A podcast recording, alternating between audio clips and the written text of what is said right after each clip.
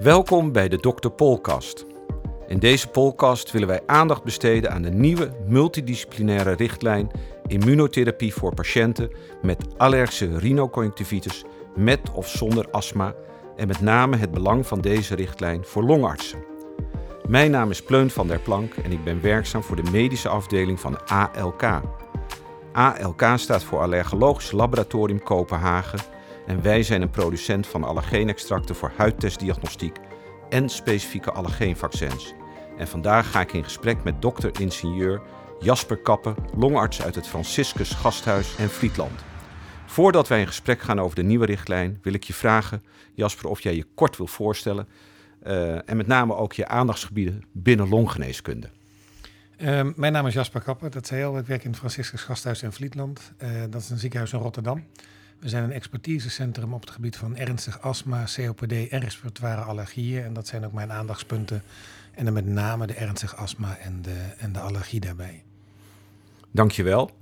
Um, nou ja, dan gaan we, zoals ik al zei, gaan we inzoomen op de nieuwe richtlijn. Um, je bent nauw betrokken geweest bij het schrijven van, uh, van deze richtlijn. Maar je bent ook betrokken geweest bij de richtlijn allergie van de bovenste luchtwegen. Daar heb je ook aan meegeschreven. Wat is nou de rol van de longarts in het meeschrijven van deze richtlijnen? Um, ik, ik, ik, denk als je kijkt uh, bij het ontwikkelen van richtlijnen, dat het meer en meer multidisciplinair wordt. Dat is niet alleen de richtlijn zelf, maar ook de benadering van patiënten. En zeker als je het hebt over allergie, dan zit er natuurlijk een overlap tussen de bovenste en de onderste luchtwegen. Als je kijkt, uh, het is eigenlijk één systeem. United Airways wordt het ook wel eens genoemd begint eigenlijk al uh, bij de embryologie. Het heeft één oorsprong, het endoderm. Dus het is ontstaan uit hetzelfde. Uh, de ontstekingsreacties die er zijn, de mechanismes die er lopen, de mediatoren die er zijn, die zijn echt vergelijkbaar in de neus als in de longen. Uh, en wat je ook ziet, en dat is eigenlijk vanuit het, de, de kant van de longarts, en met name als je, als je astma behandelt, is dat de behandeling van de bovenste luchtwegen ook echt effect heeft op de behandeling van je astma. Nou, als je dan kijkt naar deze twee richtlijnen, dan is er eerst de richtlijn allergische, uh, de allergie van de bovenste luchtwegen geweest, de allergische rhinitis. Uh, en dan hebben we daar echt gekeken, wat is nu uh, de plaats van een behandeling van een allergische rhinitis voor de behandeling van astma.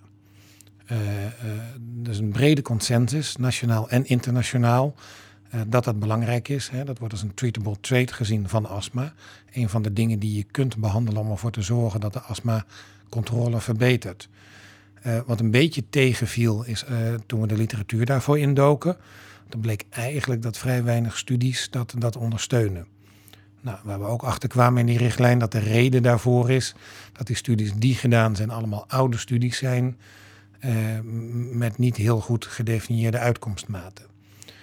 Uiteindelijk, omdat het één systeem is, van geboorte tot en met ontstekingsprocessen, uh, en omdat er zo'n brede ervaring en consensus is dat het toch belangrijk is om dat te behandelen in het kader van een astma, is dat ook echt het advies in die richtlijn geworden. Nou, als je dan gaat kijken naar de link naar de, de, de richtlijn voor immunotherapie, dan is één van de behandelingen die je kunt doen voor een allergische rhinitis of een allergische rhinoconjunctivitis, uh, is immunotherapie. Niet altijd de eerste keuze, vaak niet zelfs. Er is een heel scala aan behandelingen zit daarvoor. Uh, maar het is zeker een mogelijkheid om, om, om die allergie van de bovenste luchtwegen te behandelen. Uh, in die richtlijn is de specifieke behandeling niet meegenomen, met name omdat er een separate richtlijn uh, zou komen en nu ook uitgekomen is. De separate richtlijn, en waar doe je dan op?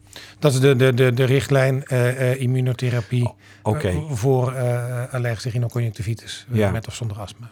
En, en er is geen richtlijn voor specifiek voor astma op dit gebied? Nee, er is geen richtlijn specifiek voor astma. Um, met name omdat je de ziektebeelden ook, denk ik wel, vaak in combinatie zult zien. Ja, oké. Okay. Dus betekent dat dan ook vanuit jouw functie als longarts dat je ook heel veel samenwerkt met de KNO-arts? Ja, als, als, je kijkt naar de richtlijn die, eh, die recent is uitgekomen, dan, dan heeft de longarts eigenlijk daar twee, twee rollen in enerzijds, hè, wat, wat, wat ik net uh, zei, is uh, uh, de behandeling van de allergie met immunotherapie, met specifieke immunotherapie, is iets binnen het behandelpalet voor patiënten met astma. en aan de andere kant maak je ook onderdeel uit van het behandelteam. En dat is met name omdat astma ook een, een, een rol heeft in de richtlijn, bijvoorbeeld als contra-indicatie. als een astma niet behandeld is, moet je eerst de astma gaan behandelen voordat je überhaupt kunt starten met immunotherapie. Dus de rol die je, die je als longarts hebt is enerzijds in het behandelteam en anderzijds richting je patiënt de behandeling die je kunt aanbieden daarin. Ja, want je had het toen net over de United Airways. Hè, dus uh, van de bovenste en de onderste luchtwegen. Als we dan kijken naar, naar het weefsel of de endoteel, dan is dat vergelijkbaar. Um, vind je dat als een KNO-arts een patiënt gaat behandelen met immunotherapie, dat hij ook altijd eerst gezien zou moeten worden door een longarts? Ja, dan, dan, dan doet de, de, de, richtlijn geeft daar wel wat richting in. Hè? Is het ook een richtlijn. Um, kijk, de, de, de, de, belangrijk is dus of een patiënt ook astma heeft. Als een patiënt een onbehandeld astma heeft, dan moet je op dat moment nog niet uh, uh, de immunotherapie starten, de allergene immunotherapie starten. Dat is te risicovol. Dus je moet voor aanvang moet je wel capabel zijn en, en, en, en, en astma kunnen herkennen en onderkennen en diagnosticeren. Dat begint bij het verhaal van de patiënt of er over klachten zijn die typisch passen bij astma. Uh, en daarna doe je nog een longfunctie. Nou, als je, daar, uh, uh, als je daartoe bekwaam voelt, dan, dan kun je dat ook zelf doen. Maar ik denk dat dat vaak in samenspraak met de longarts zal gaan. Nou hoeft voor mij ook weer niet elke patiënt verwezen te worden naar de longarts. Want dan krijgen we een patiëntenstroom wat, wat, wat ook ergens spaak gaat lopen, denk ik. Daar doen we ook geen goed aan. En ik denk dat als je kijkt naar de benadering van de richtlijn, die multidisciplinair is, dat je ook zo de behandeling zou moeten zien. Dus je kunt je voorstellen dat je een indicatiestelling voor toch een langdurige behandeling, hè, dus drie tot vijf jaar, eh, dat je die ook in een multidisciplinair overleg doet. Waarbij zowel de KNO-arts als een longarts, als mogelijk een allergoloog, eventueel een dermatoloog aanwezig is. Oké, want je hebt het over, we hebben het over de multidisciplinaire richtlijn. Hè, want iedereen die betrokken is bij de behandeling van allergie heeft meegeschreven aan deze richtlijn. Onder andere ook huisartsen hebben hier aan meegeschreven, of een huisarts heeft meegeschreven. Hoe zie je in dat multidisciplinaire overleg, zie je daar ook een rol voor de huisarts? Ja, de richtlijn is heel duidelijk voor de tweede en de derde lijn ontwikkeld. Hè. Dat, dat, dat, staat er ook in. En als het gaat over een behandeling uh, in de eerste lijn wordt verwezen naar de NAG-standaard. Uh, die hopelijk naar aanleiding van deze richtlijn ook een update gaat krijgen. Omdat de, de, de, op een aantal dingen lopen de twee richtlijnen wat uiteen. Of de standaard en de richtlijn. Uh, ik denk dat de huisarts zeker een rol kan hebben. Wat, wat, nu vooral gezegd is, is de indicatiestelling. en het opstarten gebeurt in de tweede dan wel derde lijn.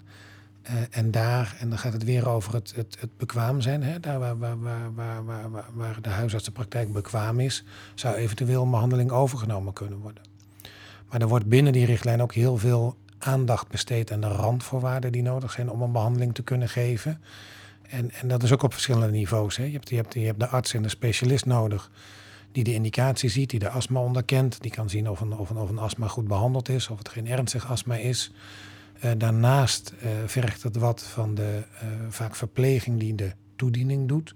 En die moet getraind en die moet bekwaam zijn. Maar het vergt ook nog wat van de logistiek van je ziekenhuis na een injectie of na een eerste inname van een tablet uh, moeten mensen 30 minuten wachten. Ja. Die, hmm. die, ruimte moet je wel hebben. En in die 30 minuten uh, moet je een anafylaxie kunnen herkennen en onderkennen en eventueel op kunnen vangen. Nou, diezelfde niveaus uh, van training zou je in de eerste lijn ook nodig hebben. En dus er moet een huisarts zijn die bekwaam is. Er moet een praktijkondersteuner zijn die dat, die dat kan, kan toedienen. Uh, maar er moeten ook mogelijkheden zijn om een eventuele anafylaxie op te vangen. En patiënten te laten wachten uh, op een plek daar waar ze, waar, ze, waar ze in de gaten gehouden kunnen worden. Oké, en dan wil ik zo meteen uh, terugkomen op beide vormen van behandelen, want daar, daar begin je zelf over, hè? subcutaan of tablet. Ja. Ehm, maar toch terugkomend op die rol van de longarts in die behandeling van allergische rhinoconjunctivitis met of zonder astma. Als longarts zie je natuurlijk hoofdzakelijk patiënten die met problematiek van de onderste luchtwegen bij je komen. En veel van die patiënten hebben ook klachten van de bovenste luchtwegen. Om dan toch terug te gaan naar die rol uh, en, en de indicatie immunotherapie bij astma, hoe zie je dat? Ja, dat is een lastige. Hè? Dat, dat, dat als je kijkt uh, in de literatuur, dan, dan, dan, dan is er echt wel een hoop data beschikbaar die erop wijst dat het ook echt effect heeft op de behandeling van je astma. Omdat die literatuur nogal verschillend is en ook verspreid over veel jaren, is, is, is dat nog niet een heel hard bewijs. En, en wordt dat ook niet op die manier beschouwd. En we hebben dat ook binnen deze richtlijn, hè, de effectiviteit op astma is buiten beschouwing gelaten. Heel bewust om die reden. Aan de andere kant weten we wel dat als je dus de bovenste luchtwegen veel rustiger hebt, je astma ook beter wordt. En dat, dat, dat zien we wel heel duidelijk. Dus op die manier heeft dat echt een plek. Wat dan uiteindelijk het gevolg op de astma is, ik denk dat we daar echt de komende jaren wat meer, meer aandacht en nadruk op moeten leggen. Om dat ook uit te gaan zoeken. Want het is gewoon nog niet helemaal duidelijk. En ook wat je dan moet meten. Moet je dan de medicatiescores meten? Moet je dan kijken naar een, uh, een ziekteactiviteit, hè, zoals een ACQ of een CARAT? Uh, moet je kijken naar een simpele VAS. Hè, of een patiënt zich beter voelt of minder goed voelt. En waar gaat jouw voorkeur naar uit? Uh, Als je in, in, het kader van deze richtlijn ja, praat. Er is nu een Europese werkgroep bezig. Uh, uh, waar vanuit het Franciscus ook bij betrokken zijn. om juist daar een, een, een uitspraak over te doen. Okay. Van wat, wat is nu de beste parameter. om specifiek naar de astma-regulatie te kijken. als gevolg hè, van het effect van allergeen immunotherapie. Nou ja, omdat ik me voor kan stellen dat in het kader van deze richtlijn, die heel erg over rhinoconjunctivitis met of zonder astma gaat, en als er astma bij betrokken is, dat de karat-vragenlijst misschien wel de meest aangewezen ja, vragenlijst ja, zou kunnen zijn. Als je het hebt over vragenlijst, is dat, is dat denk ik een hele elegante. Daar, ben ik helemaal met je eens. Uh, je zou ook altijd heel graag nog wel wat een exacerbatiefrequentie willen zien als je het over astma hebt. Uh, uh, of in medicatiegebruik. Oké. En dat is een, daar heb je een andere vragenlijst voor nodig.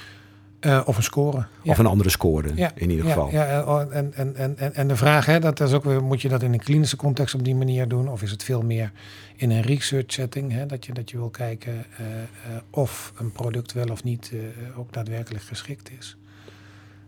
Ik hoop dat daar de komende jaren nog, nog wat, meer, wat meer data voor beschikbaar gaat komen. Ja, want je had het toen net over twee vormen. Hè? Ik zou er even op terugkomen over subcutaan en over tablet. Wat bepaalt nou jouw keuze om het ene te doen of dan wel het andere te doen? Uh, veel aan de patiënt. Dat is eigenlijk het, het, het eenvoudige antwoord. Uh, van studies, er zijn weinig vergelijkende studies. Er is er een van de, van de, van de gaspollenbehandeling, waarbij de tabletten en de, en de subcutanen vergeleken worden en waar vergelijkbare effectiviteit gezien wordt we trekken dat vaak door ook op, uh, op, op de andere uh, behandellijnen, om het zo maar te zeggen, op de boompollen en op de huisstofmijt. Um, therapie trouwens is, is, is wel belangrijk in deze behandeling. Enerzijds voor de prikken, hè, mensen moeten echt wel opkomen dagen. En anderzijds ook bij de tabletten. Als, uh, dat is makkelijk om dat thuis te kunnen nemen, maar je moet hem wel nemen. Als je in een nachtkastje blijft liggen, dan zal de behandeling niet werken. Um, dus ik denk dat het heel erg belangrijk is wat, wat, wat bij een patiënt past. En de een zegt, nou het past echt niet binnen mijn werk en mijn baan om hier uh, eerst 15 weken lang elke week te komen en daarna elke maand. En iemand anders zegt, nou als je mij die tabletten geeft, uh, de helft van de week vergeet ik ze. Doe mij maar een prik, dan ben ik er weer voor de, voor de rest van de maand vanaf. Ja, oké. Dus dat, dat nemen we wel heel erg mee. Uh, en corona, hè, vorig jaar. Ja. Ik, ik, denk dat we toen heel veel meer tabletten opgestart zijn. Okay. Met name ook omdat het ziekenhuis minder bereikbaar was. Nou ja, omdat er natuurlijk een heel, een heel hoofdstuk aan voorwaarden en settings uh, is geschreven in de nieuwe richtlijn ja. voor huisartsen. En de huisartsen moeten, als je het zo leest, aan ongelooflijk veel voorwaarden en, uh, voldoen. Maar dat geldt ook voor artsen in de tweede en de derde lijn, hè, uh, die daarmee werken. Maar is het dan, als je het naar huisartsen vertaalt, niet eenvoudiger om tabletten voor te schrijven? Omdat dat kunnen patiënten in de thuissituatie doen.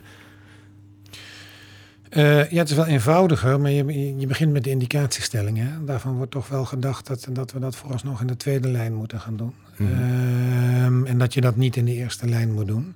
En ik denk ook als je, als je kijkt naar een gemiddelde huisartsenpraktijk, dan, dan hebben ze een paar patiënten die misschien een kandidaat zijn voor.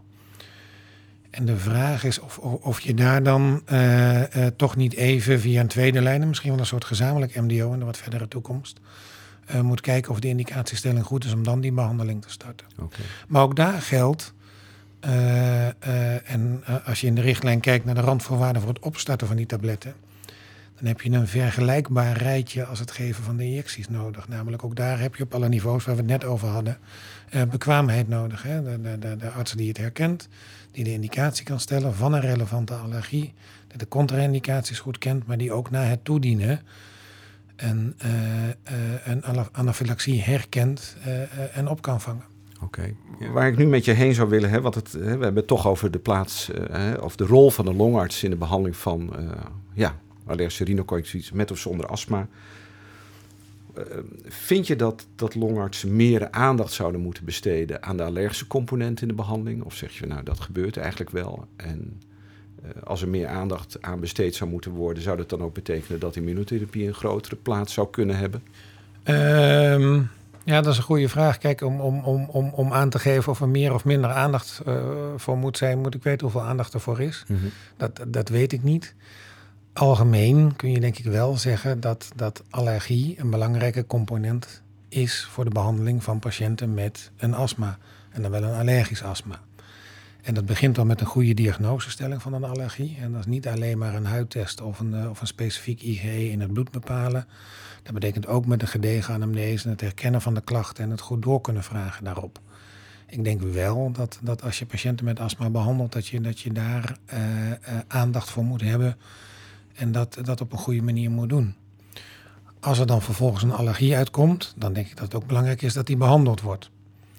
Waarbij, uh, uh, net zoals bij ernstig astma, het goed is om te weten dat er biologicals zijn, waarbij je een hele specifieke groep toch nog een behandeling kunt geven, anders dan alleen maar prednison, wat in het verleden gebeurde.